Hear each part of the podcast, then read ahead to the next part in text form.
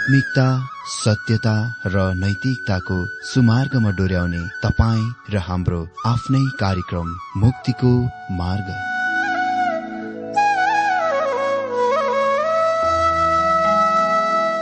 आदरणीय श्रोता यस मुक्तिको मार्ग कार्यक्रममा हार्दिक स्वागत छ। आशा छ यस आत्मिक कार्यक्रमद्वारा जीवनमा आत्मिक आशिष अलौकिक शान्ति र आनन्द प्राप्त गर्नुहुनेछ। र जीवनमा धन्य अनुभव गर्नुहुनेछ। आउनुहोस् श्रोता। मन र आत्माको तयारीको लागि यो मिठो अनि मधुर भजन गीत सुनौ।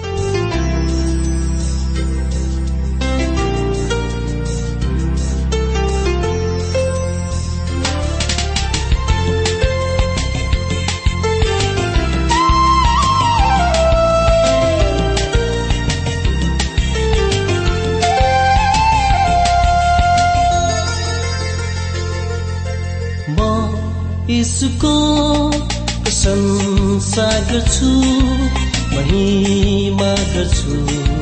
मेरो प्रभुको महिमा गर्छु। मेरो प्रभुको हे हे हे ला ला ला ला।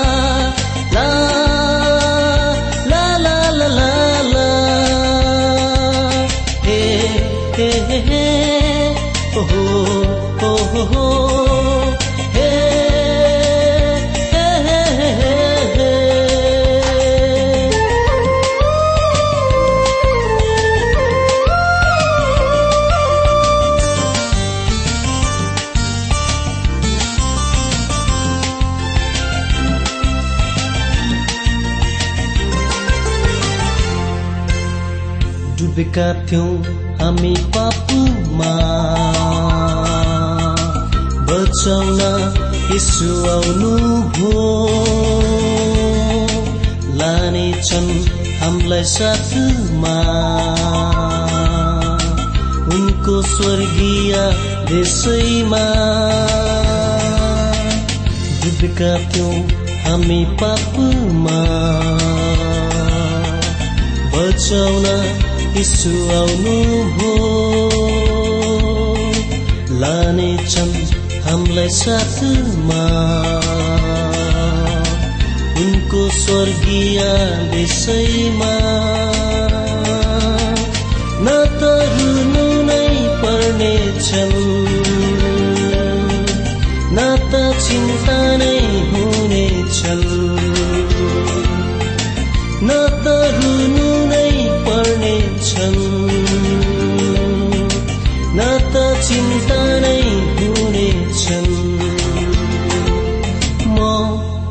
यीशुको प्रशंसा गर्छु महिमा गर्छु। मेरो प्रभुको महिमा गर्छु मेरो प्रभुको। हे हे हे हे ला।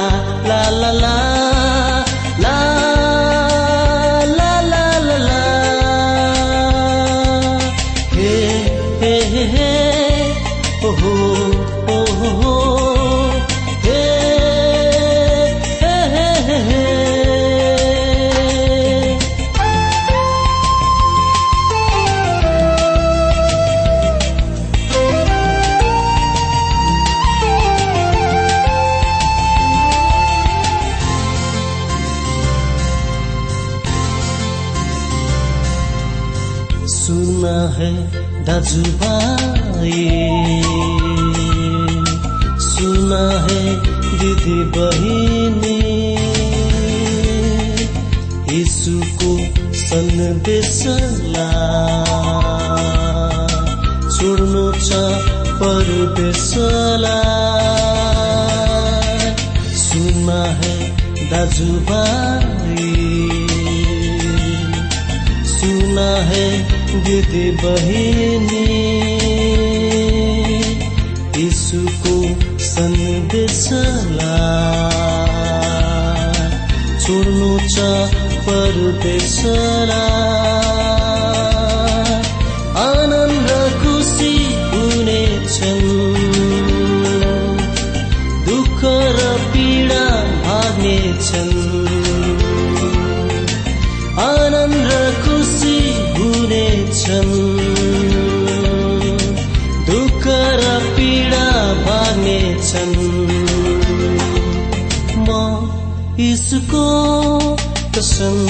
प्रशंसा गर्छु महिमा गर्छु मेरो प्रभुको महिमा गर्छु मेरो प्रभुको हे हे हे हे ला ला ला ला ला।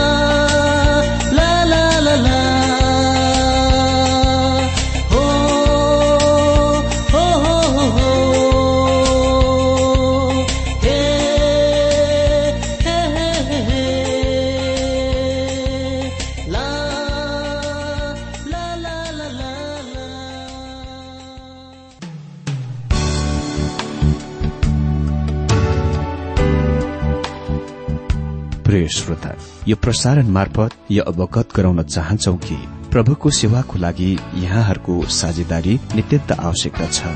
यहाँहरूले प्रार्थनाको साथसाथै आर्थिक सहायता गर्न अनुरोध गर्दछौ। तपाईँहरूको सानो भन्दा सानो भेटी किन नहोस्? हामी प्रभुको नाममा स्वीकार गर्नेछौ। प्रभुको सेवाको लागि। तपाईँहरूको यो सानो लगानीले कसैको जीवनमा भिन्नता ल्याउँछ? अनि प्रभुको महिमा हुन्छ। प्रभु तपाईँहरूलाई महान गरी आशिष दिनुहुनेछ। इच्छुक श्रोताहरूले तपाईँको इच्छा भेटी हाम्रो ठेगानामा पठाउन सक्नुहुन्छ जुन ठेगाना हामी कार्यक्रमको अन्तमा दिनेछौं।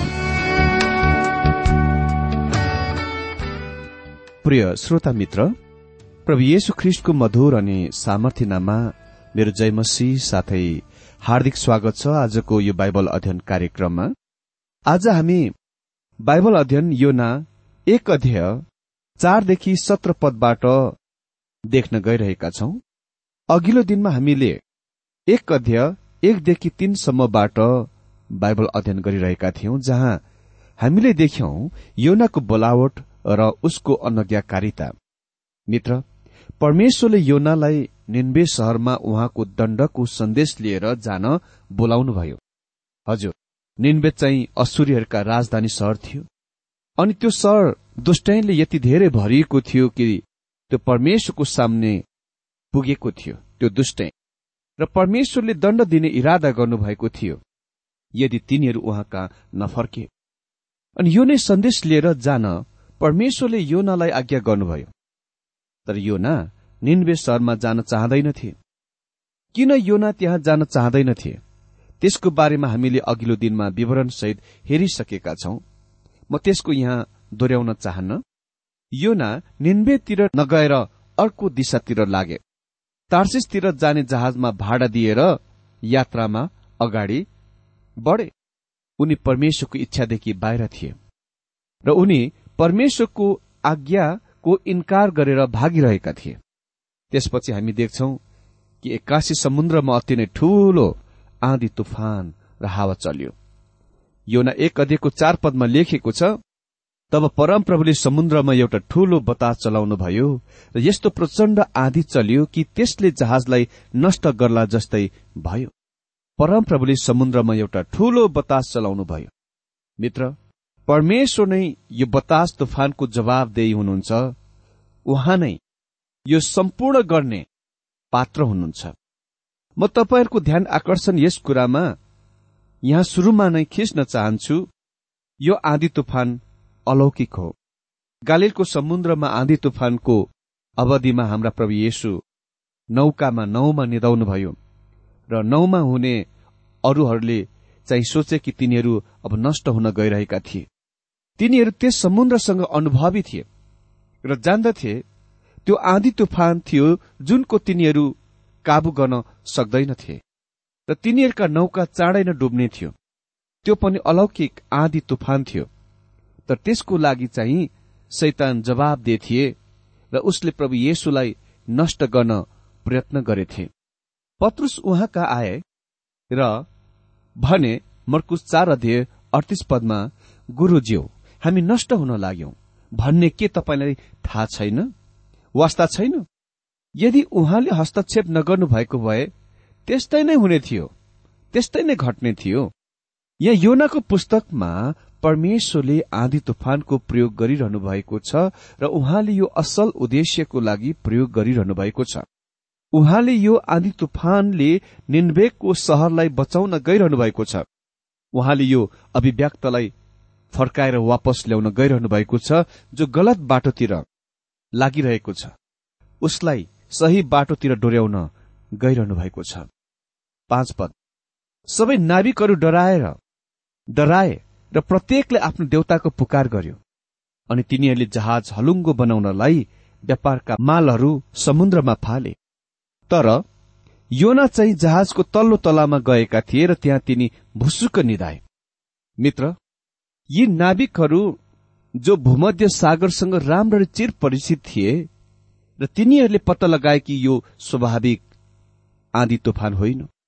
लेखिएको छ तर योना त जहाजको तल्लो तलामा गएर भुसुक्क सुते अर्थात् सुतेका थिए र मस्त निधाएका थिए। मैले एकपल्ट यो जनप्रिय दृष्टिकोण वा विचारको पोषण गरेको थिएँ। यदि कुनै मानिस परमेश्वरको इच्छाबाट बाहिर जान्छ र पापमा हुन्छ उसलाई खराब दोष विवेकले सताउनेछ यातना दिनेछ र उनी अति नै दुर्गतिमा व्याकुलतामा जहिले पनि हुनेछन्।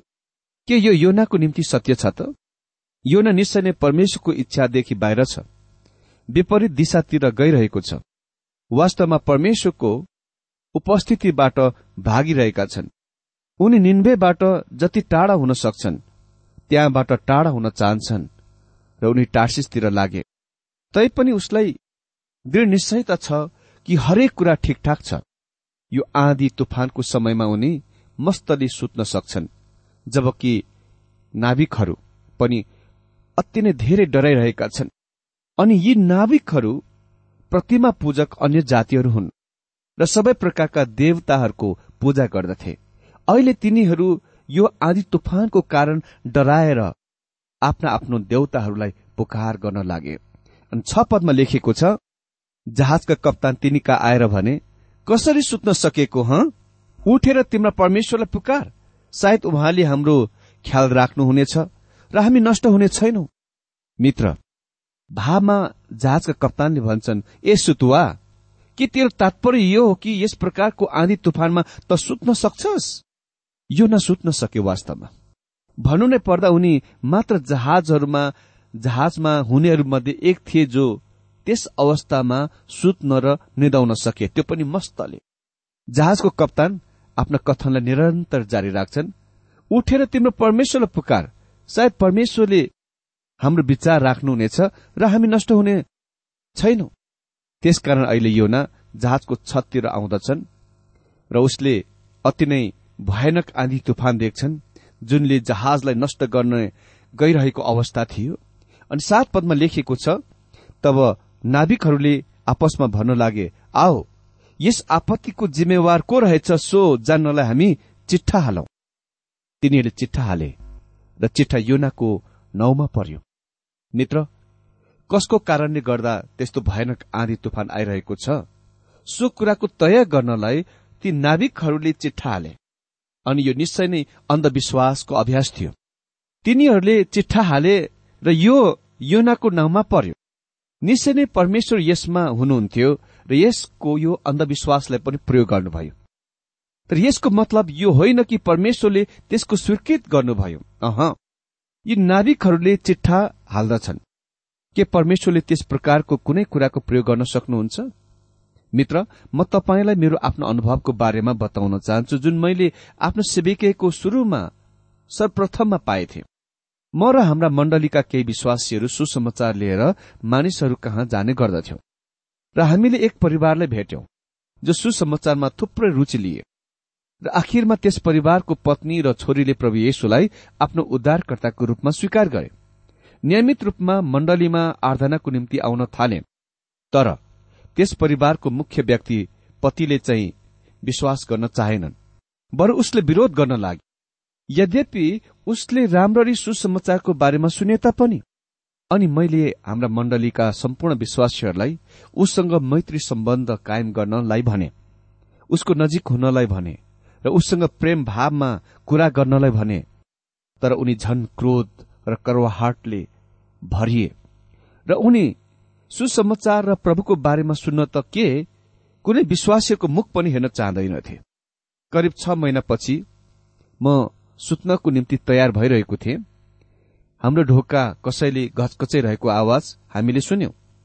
मैले ढोका खोलेर त्यहाँ त्यो व्यक्ति अति नै भयभीत स्थितिमा खड़ा भएको देखेँ। उसको अनुहारमा अति नै धेर डर र त्रास झल्किएको देखिन्थ्यो। मैले उसलाई आफ्नो घरभित्र बोलाएँ र हामी बसेर कुरा गर्यौं। उसले मलाई भन्यो कि उसको अफिस कार्यालयमा एकजना हितैषी मित्र थियो जसले एक दिन बिहान उसलाई भने म बितेको रात गत रात भविष्य वक्ता कहाँ गए? भाग्य वक्ता कहाँ वा भविष्य ज्योतिष कहाँ गए? म अचानक चाँडै नै मन गइरहेको छु। उनले भन्यो दुवै उनी र उसको मित्र त्यस कुराको बारेमा हाँसे। त्यसपछि मेरो मित्रले आफ्नो कथनको जारी राखेर भने ज्योतिषले भाग्य वक्ताले यो पनि भने तिम्रो हितैषी साथी पनि अचानक चाँडै नै मन गइरहेका छन्। तिनीहरू दुवै फेरि बेसरी हाँसे किनभने तिनीहरूले सोचे कि यो सबै बकवास र हास्यपद कुरा थियो। तर करिब दुई दिनपछि उसको हितैषी मित्र कार दुर्घटनामा परेर त्यहाँ तत्कालै मरे। म तपाईँलाई भन्न चाहन्छु जब उसले त्यो दुर्घटनाको बारेमा सुने उनी वास्तवमा अति नै धेरै डराए। अनि त्यो नै रातमा त्यो मानिस मेरो घरमा आएर ढोका ढकढकाइरहेका थिए। उसलाई मलाई भने अब दोस्रो पालो मेरो हुनै पर्छ। मैले उसलाई भने म तिम्रो डरको मदत गर्न सक्छु र डरबाट मुक्त गराउन सक्छु। त्यस भाग्यवक्ता वा ज्योतिषले तिम्रो मित्रको मृत्युसँग राख्ने सरोकार केही पनि थिएन। उसँग यसको पूर्व जानकारी ज्ञान थिएन। यो जीवनको खाली अनौठो परिस्थितिहरूमध्ये एक हो जुनलाई हामी अनुरूपता वा मेल भन्दछौ यसको मतलब यो होइन कि तिमी मर्नु नै पर्नेछ। तिमी पनि मर्नु नै मर्ने मर्नु नै पर्नेछ। तिमी पनि मर्नेछौ अह। उसले भने तर म तयार हुन चाहन्छु। के तपाईँ मलाई उद्धारको योजनाको वर्णन गरिदिनुहुन्छ? अनि मैले उसलाई उद्धारको योजनाको बारेमा बताएँ। मैले वर्णन गरिदिएँ कि कसरी परमेश्वरले ख्रिस्टलाई संसारमा हाम्रो पापहरूको लागि मर्न पठाउनुभयो।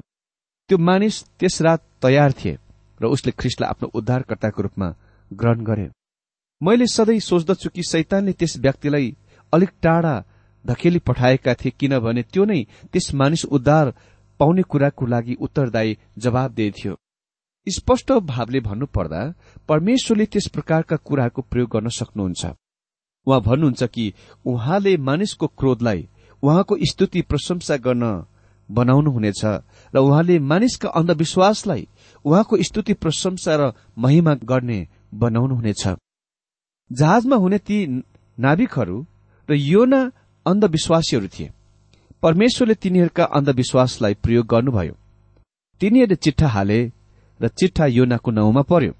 अहिले यो कुराको ध्यान दिनुहोस् के हुँदछ? आठ पदमा तब तिनीहरूले तिनलाई सोधे हामीलाई भन् हामी माथि यो आपत ल्याउन को जिम्मेवार छ? तिम्रो काम के हो? तिमी कहाँबाट आएका हौ? तिम्रो देश कुन हो? तिमी कुन जातिका हौ। यो स्पष्ट छ कि योनासँग यी नाविकहरूसँग कुरा गर्ने केही समय थियो। तर उसले आफ्नै स्वयंको बारेमा तिनीहरूलाई त्यति धेरै कुरा बताएनन्। उसँग निश्चय नै परमेश्वरको लागि साक्षी छैन। परमेश्वरको इच्छादेखि बाहिर हुने मानिस कहिले पनि परमेश्वरको लागि प्रभावशाली साक्षी हुन सक्दैन। यो हाम्रो निम्ति मनमा राख्नलाई केही महत्वपूर्ण कुरा हो। यो कुराको ध्यान दिनुहोस् कि योनाले तिनीहरूलाई के भनेनन्। सर्वप्रथममा तिनीहरूले उसलाई भन्छन् हामी माथि यो खराबी घटेकोले गर्दा हामी तिमीलाई केही प्रश्नहरू सोध्न चाहन्छौ। तिम्रो पेसा वा काम के हो योनाले कसैलाई भनेनन् कि उनी भविष्यवक्ता थिए। उनी त्यस कुरामा बिल्कुल चुप रहे। तिमी कहाँबाट आएका हौ योनाले तिनीहरूलाई भनेनन् कि उनी उत्तरी राज्य इसरायलको गाथ हेपरबाट आएका हुन्। उसले आफ्नो मातृस्थान गाउँको बारेमा केही पनि भनेनन् तिम्रो देश कुन हो? उसले भनेनन् कि उनी इसरायलको नागरिक हुन्। तिमी कुन जातिका हो? उसले भनेनन् कि उनी इसरायली जातिका हुन्। जससँग जीवित र सत्य परमेश्वरको प्रकाश छ। उसले वर्णन गरेनन् कि उनी भविष्य वक्ता थिए जसले जीवित परमेश्वरलाई प्रतिनिधित्व गर्दछन् र जसलाई आशा र उद्धारको सन्देश ल्याउन निन्वेमा जानलाई बोलाइएका थिए। योनाले कुनै कुराको तिनीहरूलाई बताएनन्। किन? किनकि उनी परमेश्वरको इच्छादेखि बाहिर छन्। नौ पदमा लेखिएको छ तिनले जवाब दिएर भने म एक हिब्रू हुँ अनि म स्वर्गीयका परमेश्वरको आराधना गर्दछु जसले समुद्र र जमिन दुवै बनाउनुभयो म हिब्रू हुँ त्यसको मतलब ठूलो छ। हिब्रूहरू एक ईश्वरमा विश्वास गर्ने मानिसहरूको रूपमा जानिन्दथे। मतलब तिनीहरूले खालि एउटै परमेश्वरलाई आराधना गर्थे। प्रतिमाको कहिले पनि पूजा गर्दैनथे। तिनीहरूसँग अरू कुनै देव देवताहरू थिएनन् तर परमेश्वरलाई आराधना गर्थे जो सृष्टिकर्ता हुनुहुन्छ। योना भन्छन् जल र स्थल समुद्र र पृथ्वी दुवै बनाउनु हुने परम प्रभु स्वर्गीयको परमेश्वरको भय म मान्दछु। योना तिनीहरूलाई भन्दछन् कि उसले यो परमेश्वरलाई आराधना गर्दछन् जसले समुद्र र सागर अनि पृथ्वी बनाउनु भयो जुनको ठिक तिनीहरूको सामने आदि तुफानद्वारा अहिले उग्र बनिरहेको थियो। उहाँले समुद्रको बनाउनु भयो अनि उहाँले सुक्खा जमिनको पनि बनाउनु भयो। म सोच्दछु यी नाविकहरूले इसरायलको बारेमा जान्दथे तर तिनीहरू अन्य जातिहरू थिए र जीवित र सत्य परमेश्वरको कुनै ज्ञान थिएन। दश पदमा भनिएको छ यस कुराले तिनीहरू डराए र तिनलाई सोधे तिमीले के गरेका छौ? अघि नै यो कुरा बताएका हुनाले तिनी परमप्रभुको सामुन्यबाट भागेका रहेछन् भन्ने तिनीहरूलाई थाहा थियो। मित्र यद्यपि यो न त्यससँग अति नै मस्तले निधाउन सके तापनि बिना प्रश्न निसन्देह योनासँग खराब दोषी विवेक थियो। योनाले नाविकहरूलाई भन्छन् यो जहाजद्वाराको यात्रा वास्तवमा अलक्ष्य उद्देश्यविहीनको यात्रा हो। वास्तवमा मेरो काम निन्वेमा थियो तर मैले त्यहाँ नजान निर्णय गरे।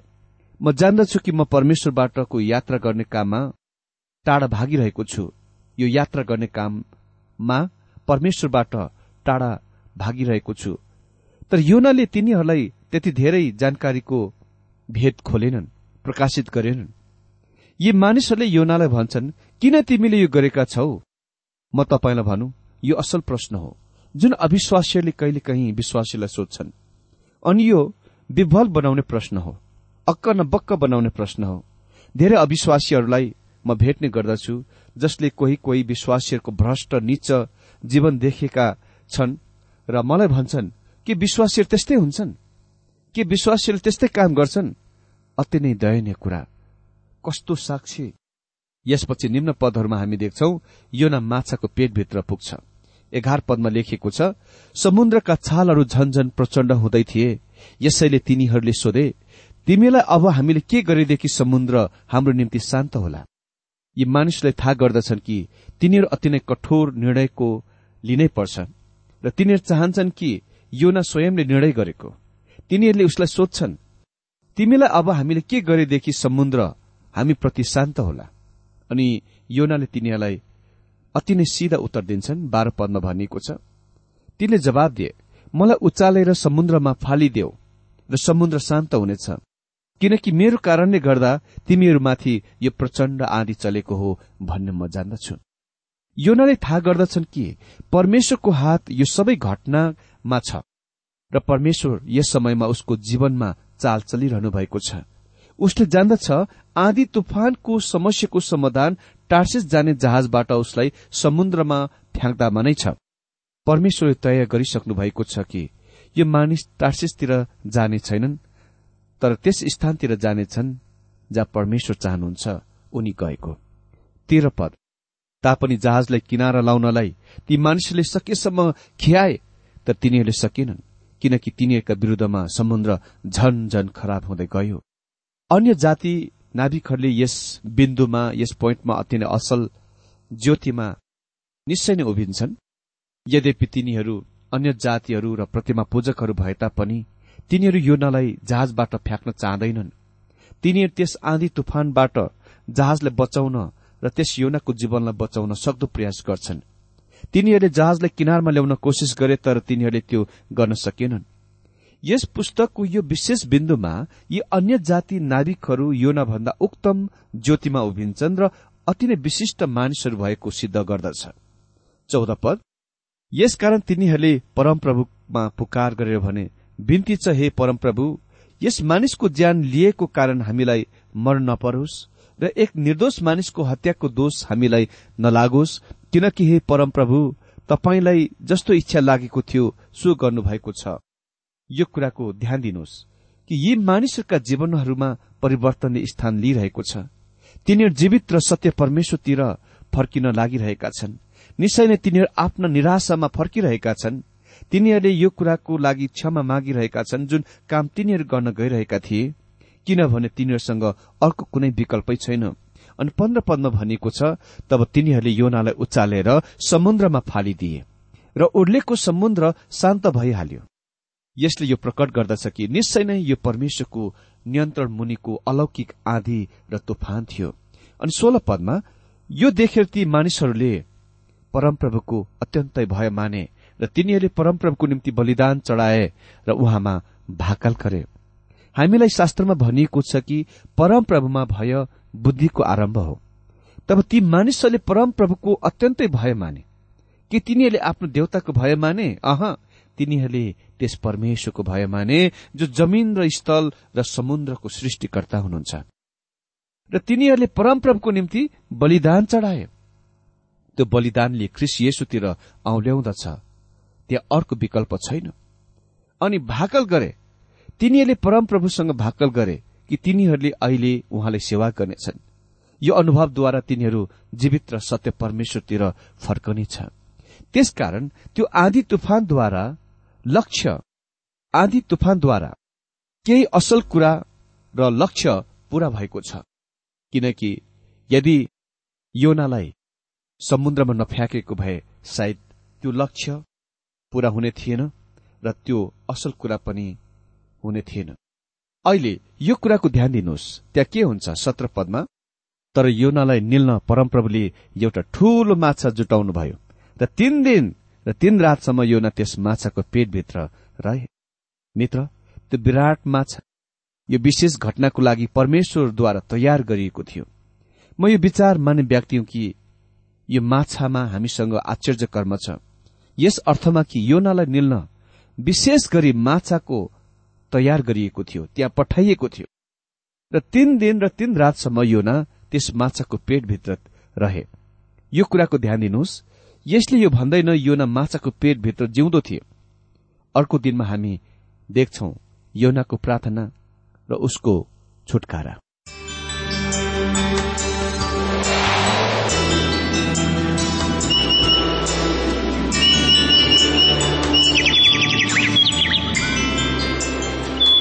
प्रिय श्रोता अहिले भर्खरै तपाईँले टीडब्ल्यूआर नेपालद्वारा सञ्चालित आत्मिक कार्यक्रम मुक्तिको मार्ग सुनिरहनु भएको थियो। श्रोता आजको यो कार्यक्रम सुनेर तपाईँलाई कस्तो लाग्यो? यदि यो कार्यक्रम सुनेर मनमा कुनै खुल्दुली वा कुनै प्रतिक्रिया अर्थात सुझावहरू छन् भने हामीलाई पत्रद्वारा लेख्न सक्नुहुनेछ।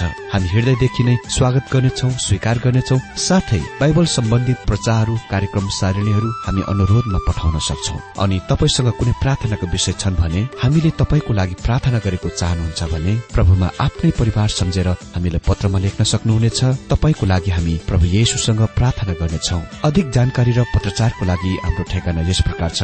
कार्यक्रम मुक्तिको मार्ग जीपीओ नम्बर उनानब्बे पचहत्तर इपिसी पच्चिस एकसठी काठमाडौँ। ठेगाना एकपल्ट सुन्नुहोला। कार्यक्रम मुक्तिको मार्ग जीपीओ नम्बर उनानब्बे पचहत्तर इपिसी पच्चिस एकसठी काठमाडौँ। हाम्रो इमेल एड्रेस हो T W R Nepal at Yahoo dot com. साथै यस नम्बरमा एसएमएस गर्न सक्नुहुनेछ। अन्ठानब्बे चार सत्तरी पैतिस छ सय उनासी नौ आठ चार सात जिरो तीन पाँच छ सात नौ। हुन्छ श्रोता आजलाई हामी विदा चाहन्छौ। अर्को कार्यक्रममा हामी पुनः भेट्नेछौ तबसम्मलाई नमस्कार।